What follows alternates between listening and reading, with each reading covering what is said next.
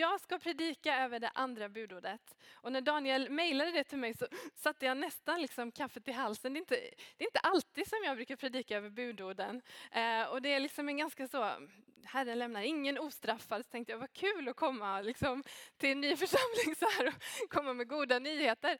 Eh, men jag ska komma med goda nyheter för det gör vi alltid när vi eh, läser Guds ord. Vi behöver bara veta hur vi, ska, hur vi ska läsa det och hur vi ska förstå. Och det får vi hjälpa varandra med. Det kan inte en person veta, utan det hjälper vi varandra med. Mm. Jag ber bara för att jag ska få landa lite själv. Jesus, tack för att du är här. Tack för att du vill säga någonting till oss. Tack för att du är på riktigt. Och jag ber helig Ande att du ska hjälpa oss att vara liksom helt och hållet oss själva den här stunden och bara vara ärliga inför dig, ärliga inför varandra och komma med våran desperation till dig. Vi kan få vara som kvinnan som kastar sig och vill få tag i en del av din mantel. Vi kan få komma med den inställningen att Gud, ge mig någonting för, min, för de platserna i mig som känns torra, de platserna som känns som att de behöver ny helig ande energi. Vi kan få sitta med den ärligheten inför dig Herre. Så det gör vi just nu. Kom och gör ditt verk, din grej. Amen. Jag tänkte börja med att prata lite om lagen generellt. Jag vet att ni fick höra en hel del och jag tjuvlyssnade på podcasten, det var så bra. Eh, men jag tänker ändå, ni är i början av serien och jag vill ge mitt lilla bidrag till hur vi kanske kan förstå lagen och hur vi kan förhålla oss till den. Så jag börjar där och sen går vi över in i andra budordet. För jag tänker att det kan finnas två diken man kan hamna i när man pratar om budorden och lagen. Antingen så tänker man att vi läser den precis som den är och man glömmer bort lite att vi behöver läsa den utifrån Jesus glasögonen. Vi behöver ta på oss de glasögonen för att förstå lagen. Eller så tänker vi att ja, lagen är inte så viktig, vi behöver inte läsa den, det är gamla testamentet och Jesus har gjort massa grejer.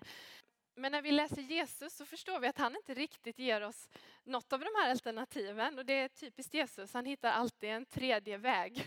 när vi tänker att något är svartvitt så är det inte riktigt så enkelt. Och vi måste förstå lagen genom Jesus, eller hur? Är vi med på det samma? Yes, bra. Och Jesus, vad säger han om lagen? Kan vi få första? Han säger så här, och här är den här klassiska Jesus när han är ganska tydlig. Man kan nästan se det framför sig. Tro inte att jag har kommit för att upphäva det Gud har sagt genom Moses lag och profeterna. Nej, jag har kommit för att uppfylla det och göra det till verklighet.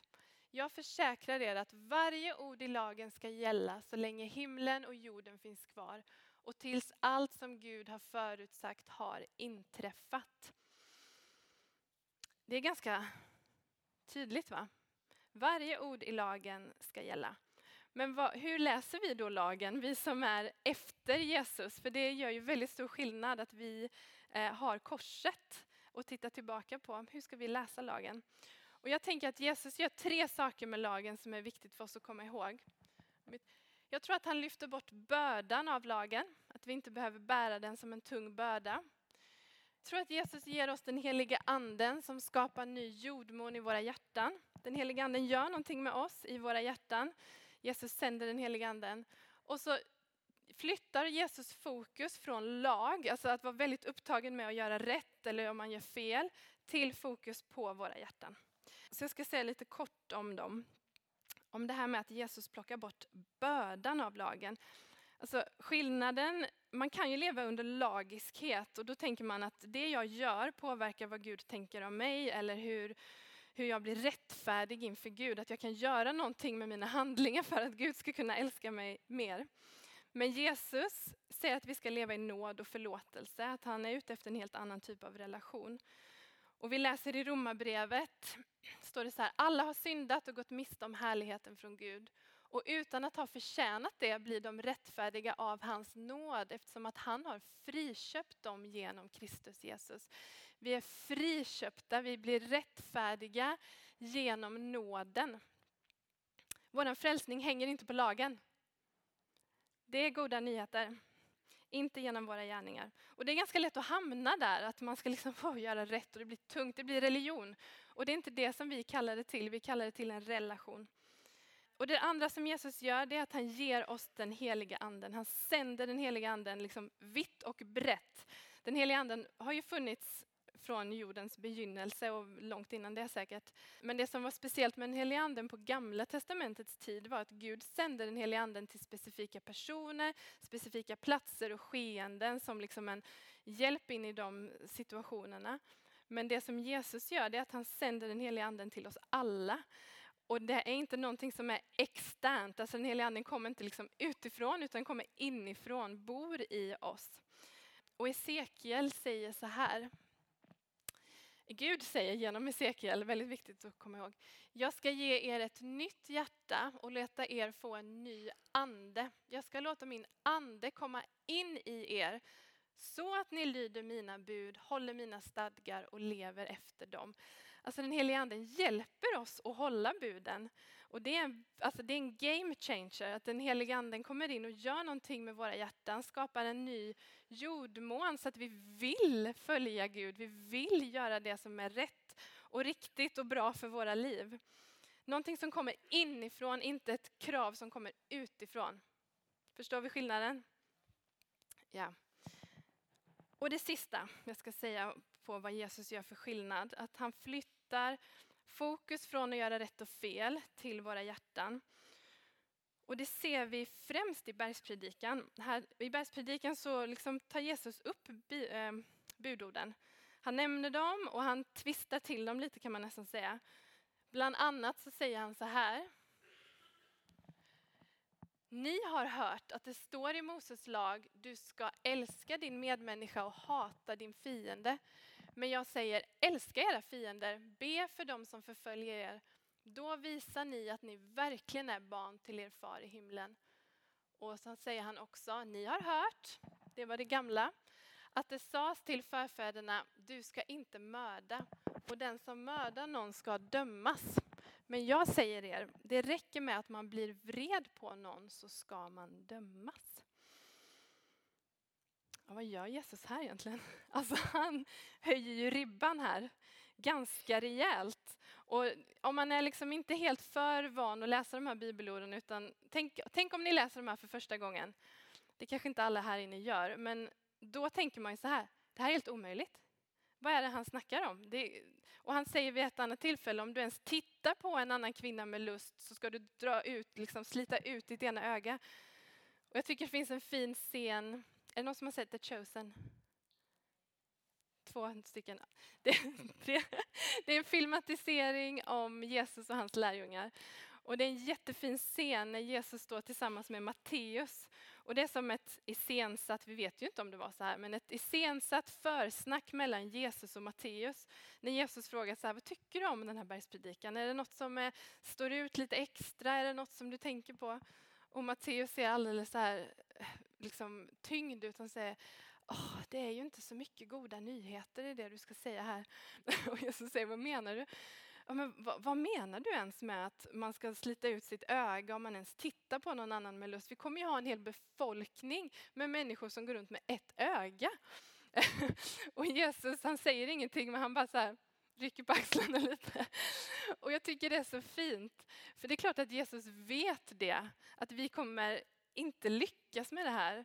Men så säger han, han säger så här med Matteus, det här är ett manifest. This is my manifesto för en revolution, för ett helt nytt rike, ett helt nytt sätt att vara människa. Skulle jag komma och bara säga så här, ja men fortsätt ni precis som ni har gjort innan, det har ju gått superbra. Eh, och så skrattar de lite tillsammans. Men jag tycker att det är en viktig punkt det här att Jesus förminskar inte lagen, han tar verkligen inte bort den. Men det han gör är att han flyttar fokus in till hjärtat, till känsl våra känslor som hat, vrede, lust, det som inte någon annan kanske ens ser men som vi vet händer. Och det är kanske så några av oss känner Jesus, att han är ganska intresserad av våra hjärtan och det som händer på insidan. Um, och det är något väldigt vackert med den Jesus som vi följer, att han tar oss på allvar och det som händer på insidan på allvar. Men i och med att han gör det, att han höjer ribban så här mycket, så befriar han oss också från lagen. För det gör, han gör det helt omöjligt att följa lagen egentligen.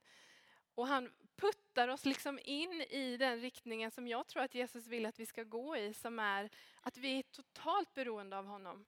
Vi klarar inte en dag utan hans nåd och hans förlåtelse och hans liksom närvaro i våra liv. Och han stänger dörren totalt till att vi ska kunna liksom gå runt och tycka att jag har ändå de här tio på plats i mitt liv och det går ganska bra för mig. Och när vi läser om Jesus, alltså han, är inte, han är inte ett big fan av den typen av relation till honom. Att man är så duktig och klappar sig på axeln. Så när, vi, när han gör det här så hamnar vi i rätt förhållande till Jesus. Det är min eh, övertygelse.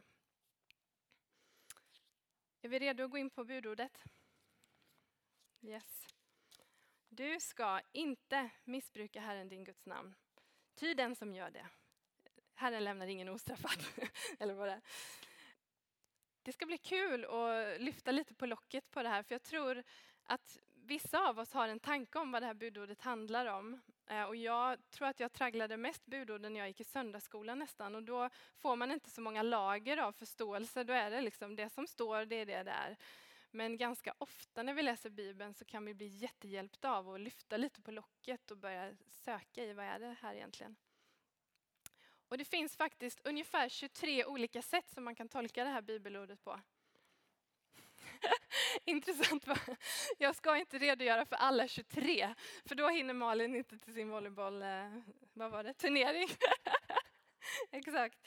Jag har valt en, och jag har valt en, den tolkningen för att det är den som är mest eh, vedertagen egentligen utav de som verkligen har studerat det här bibelordet. Kanske inte den mest vedertagna av mig som bara har läst det några gånger, men de som verkligen har studerat har landat i att men det var nog så här mer som Gud tänkte. Och för att lyfta på locket behöver vi ta oss till hebreiskan och läsa. Och här står det så här, och det som är inom parentes och rött, det är eh, de orden som är väldigt nära grundtexten, alltså hebreiskan. Du ska inte representera, och egentligen så står det lyfta upp eller bära Herrens, Javes, namn, och egentligen är det hans karaktär, på ett felaktigt sätt och egentligen är det tanklöst eller ett sätt i tomhet. Och om jag, jag har skrivit ihop det här, då blir det du ska inte bära Javes karaktär på ett tanklöst sätt. Du ska inte bära Guds karaktär på ett tanklöst sätt. Jag tänker vi kan bara ta tio sekunder så bara läs det lite och så här, vad blir skillnaden? Hur landar det hos dig? Ganska ofta så har vi ju pratat om det här eh, budordet som att vi inte ska svära mer eller mindre. Eller att vi inte ska säga liksom, Herre, mm. Ni förstår, alltså det är ofta så vi tänker. Men det verkar inte riktigt vara så fokuserat på tal, oj, på tal utan mer på någonting som vi bär. Alltså mer bära än ord och tal. Och hör mig rätt, jag tycker att det är jätteviktigt att ha vördnad för Guds namn. Det tänker jag en självklarhet egentligen av kärlek till Gud, att vi använder Guds namn på ett sätt som är värdigt vem han är. Ehm, men det finns en till nivå här som jag tror är spännande att dyka in i. Det handlar snarare om att inte representera Guds karaktär på ett felaktigt sätt. Att med våra liv, de som kallar sig kristna, göra saker som egentligen smutsar ner Guds namn. Som gör att, att människor missförstår vem Gud egentligen är. Och när israeliterna fick det här budordet så var ju det i kontexten av att Gud har valt ut dem som ett utvalt folk för att visa nationerna vem Gud är. Och då kan man tänka att de skulle visa honom hur liksom kraftfull Gud är eller någonting. Men Guds hjärta är så mjukt och varmt för oss människor så han ville att de skulle vi, liksom göra en rättvis bild av vem han är. Han satte som en osynlig tatuering på dem. Så här, det här är mitt folk. Och det han säger är egentligen, jag vill att ni ska gå ut till människorna och, och göra mig rättvis. Att, att när de ser er så ska de förstå någonting av vem jag är. Hur mitt hjärta är för människor. Han, Gud vill inte bli missförstådd. Och han har ju gjort sig själv väldigt sårbar i att han har placerat så mycket utav sin mission på oss som är människor som felar och som inte lever perfekta liv. Ehm, så det här är hans liksom uppmaning till oss att vara på ett sätt som inte gör att människor missuppfattar vem jag är. Och vi ska göra det lite allvarligt en kort stund Jag tänker att vi alla har hört om människor och kanske tyvärr varit med om själva människor som gör onda saker i Guds namn. Som säger att Herren har sagt till mig det här eller så. Och till exempel heliga krig. Det är ju liksom 1200-talet, jättelänge sedan, som människor gick ut och sa att man skulle mörda i Guds namn. Och det, även om det är så länge sedan, så är det fortfarande någonting som gör att väldigt många människor har svårt att tro att det finns en kärleksfull Gud. För man får inte ihop, och det är ju en helt rätt tanke. Hur kan Gud vara så kärleksfull som alla kristna säger och så har de här sakerna hänt? Hur ska jag få ihop det i min, i min tanke? Man börjar ifrågasätta Guds karaktär. Är han verkligen så där god som, som han säger att han är? Och det är samma för våra muslimska vänner när islamister bombar ställen och säger att de gör det i Guds namn. Det är samma typ av sorg och liksom, ja, sorg hos dem av att deras Gud har blivit smutskastad och missförstådd. Tänk att vi kan liksom känna igen det eh, syster, syster och brödraskapet med våra muslimska vänner. Att vi vet hur det känns när, när vår Gud blir smutskastad eller missförstådd på grund av handlingar som andra människor gör. Och det här är ett av de allra vanligaste argumenten till varför man inte tror på Gud idag. För att man inte får ihop det här. Eh, det som kristna har gjort och det som man säger att Gud är. Och sen kommer den andra meningen att Gud inte lämnar någon ostraffad. Och vi måste läsa det med Jesusglasögonen, det får vi inte glömma. Det finns nåd, det finns förlåtelse. Men vi kanske också kan förstå varför det är en sån tyngd på Alltså, det här är en ganska allvarlig sak och Gud tar nog det här på allvar. Så det är den, liksom, om man ska tänka den stora bilden och kanske lite allvarliga. Men man kan också plocka ner det lite mer och tänka övergrepp som sker i Guds namn. När människor säger men Herren sa till mig att du skulle. Eh, det är allvarligt, det skadar vår bild av vem Gud är. Det som också, förutom det här allvarliga, så kommer det också med en inbjudan. Att vi kan få med våra liv, alltså här är ju möjligheten. Vi kan få med våra liv berätta någonting om vem Gud är. Det är helt fantastiskt tycker jag. Och det står i Bibeln att vi ska vara Guds vittnen till jordens yttersta gräns. Och Jesus säger man ska se på er och hur ni älskar varann och så ska man förstå vem jag är. Det är som att han säger så här, ni behöver inte oroliga för att människor ska förstå vem jag är för de kommer se det på er. Eh, och det kan man känna när man tittar tillbaka i historien, ja, är det så alltid? Men ibland är det ju verkligen så, det har vi nog fått vara med om och se att hur människor får syn på någonting av Guds kärlek genom det vi gör för varann Paulus säger också, och jag älskar det här bibelordet, han säger ni är som ett brev som är skrivet i era hjärtan. Alltså ni har som ett brev som är skrivet i era hjärtan och alla kan läsa det. Alla kan läsa det brevet som är skrivna i era hjärtan. Det finns någonting lite publikt med att vara kristen. Man kan inte riktigt så gömma sig i ett hörn. Man får vara introvert, det är helt okej. Okay. Men man kan, liksom, vi syns, vi representerar någon där vi, där vi finns. Jesus säger, ni är ett utvalt släkte, kungar och präster, ett heligt folk. Det är fantastiskt, det är vår inbjudan.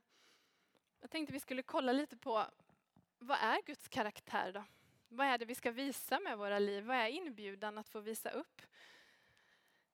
Gud är en kärleksfull pappa, nådefull, rättfärdig, långsam till att bli arg, tålmodig, helig, god, är kärlek, är rättvis, medkännande, trofast. Och ingen av oss visar upp alla de här sakerna på en gång. Men det är en inbjudan. Och ibland när vi pratar i våra församlingar så håller vi på med strategier och det gör vi för mycket här på Frälsningsarmén på Söder. Vi älskar det. Men när jag såg den här listan så tänkte jag att det här kanske räcker som strategi egentligen. Man tittar på den här listan och bara, Gud, eh, var, hur kan vi visa människor de här sakerna? Hur kan vi visa människor trofasthet, medkännande, tålmodighet? Att det finns nåd, långsamhet till att bli arg. Guds helighet, hur kan vi visa människor vem Gud är genom det vi gör och genom våra liv? Visar vi människor de här sakerna? Jag tror vi gör det ganska ofta. Eh, inte alltid, men ganska ofta. Men det som är vår utmaning, tror jag, det är att vi behöver bli sedda. Jag tror att de här sakerna händer i våra gemenskaper. Men jag tror att vi behöver liksom ta ännu mer kliv ut och liksom vara där människor är för att det här goda, fina som händer i våra församlingar ska få bli sett av människor som inte känner Jesus än. Så att de kan förstå någonting av Guds karaktär. Jag tror verkligen att det kristna livet bäst levs ut i handling. Det är viktigt med ord och ibland måste man ha någon som står här och snackar. Men vi har alla en kropp, vi lever alla ett liv. Vi kan alla få vara med på det här otroligt viktiga uppdraget. Att representera Guds namn, hans karaktär hemma, på våra, i våra familjer, på våra arbetsplatser, i våra hobbys, på våra gym, vad det än är. Um, och på engelska så brukar man säga så här, hope embodied, love embodied, resurrection embodied, forgiveness embodied. Hopp förkroppsligat, eller förkroppsligat hopp, förkroppsligad kärlek, förkroppsligad uppståndelse, förkroppsligad förlåtelse. Jag tror att människor behöver se. De behöver se någonting som är liksom fast att ta på. Antingen av saker som vi tjänar vår stad med eller genom hur vi lever våra liv. Och, och, när de ser det så kommer de sen förstå vem Gud är. Jag tror inte så många människor förstår vem Gud är bara liksom genom att förstå någonting helt plötsligt. Utan de ser någonting som drar dem in i Guds närhet och som gör dem nyfikna hmm, det, här, det här vill jag ha mer av, eller det här har inte jag sett innan. Det här är någonting nytt för mig. Och när vi följer Jesus så kommer vi med någonting nytt. Precis som Jesus sa på låtsas till Matteus, men jag håller med hur de skrev det. Det här är ett manifest för ett helt nytt sätt att vara människa, ett helt nytt rike. Och vi lever fortfarande i det. Vi kan få vara som ett manifest med våra liv för ett helt nytt sätt eh, att leva tillsammans med Gud. Och det här handlar inte om prestation, det kan kanske låta så. För det är ingen av oss som ger en rättvis bild av vem Gud är. Det kan vi bara lägga ner på en gång. Men genom vårt lärjungaskap så kan vi få bli mer och mer lika. Vi kan liksom få lära oss att ge mer och mer en rättvis bild av vem Gud är. Och vi har också fått den heliga anden. Så människor känner Gud när vi är med dem. Det behöver inte alltid vara att vi liksom presterar massa grejer utan de känner av Gud när vi är tillsammans med dem, Guds karaktär. Men då behöver vi skapa kontaktyta. Öppna upp våra kalendrar, öppna upp våra, vad det nu kan vara, våra köksbord, våra dörrar. Skapa kontaktyta. Finnas där människor finns. Vara bekväma i många miljöer. Det tror jag kan vara en jätteutmaning för oss som kanske har växt upp, om det är några här som har växt upp i kyrkan, att vi inte riktigt alltid känner oss bekväma i alla miljöer för att vi har liksom inte riktigt fått Kanske, vissa av oss kanske inte fick för att det var lite syndigt att röra sig i vissa miljöer och andra av oss kanske har fått bli begränsade av andra anledningar. Men det finns ingenting som är heligt och sekulärt i Guds bild. Hela jorden är hans. Vi kan få röra oss. Vi vet att vi har den heliga anden med oss. Det finns ingen plats vi kan gå till som Jesus inte redan är på. Vi, vi kan få vara trygga i att vi kan få röra oss i Helsingborg fritt och, och komma med sån glädje över att här är jag ett, liksom, ett tempel för Gud som får representera hans karaktär. Tack. Jag slutar med att läsa vad Hesekiel säger. säger genom Hesekiel att han ska visa, alltså han ska reveal his holiness through you before their very eyes. Jag hade den på engelska. Gud ska uppenbara vem han är genom er framför deras ögon. Alltså jag tycker att det är så fantastiskt. Liksom framför människors ögon så ska Gud uppenbara vem han är. Och han väljer gång på gång på gång att göra det genom oss. Och han vet att vi kommer misslyckas ibland. Han vet att vi inte kommer göra det liksom top notch 100% varje dag. Och det är helt okej okay, för det hjälper oss att hamna i rätt relation med honom. Vi vaknar på morgonen och säger Jesus det finns ingenting jag kan göra idag som jag inte kan göra. Jag måste göra allt med dig. Jag klarar mig inte själv. Och där har vi liksom fire, när vi inser det, att vi är så beroende av Jesus. Det är då, mm, då tror jag att Guds hjärta bara wow, nu, nu kan vi göra grejer här. Eh, så det är en resa vi kan få vara på. Jag landar där. Och jag tänker att jag ska bjuda in till förbön. Och det kan kännas som en liten spretig inbjudan, men jag tycker om det, för då behöver man inte sitta och tänka vem gick fram för vad? Utan det finns mycket man kan gå fram för. Jag vill inte släppa den bollen med. Det kanske finns någon som har varit med om någonting obehagligt eller någonting sårande som någon har gjort i Guds namn.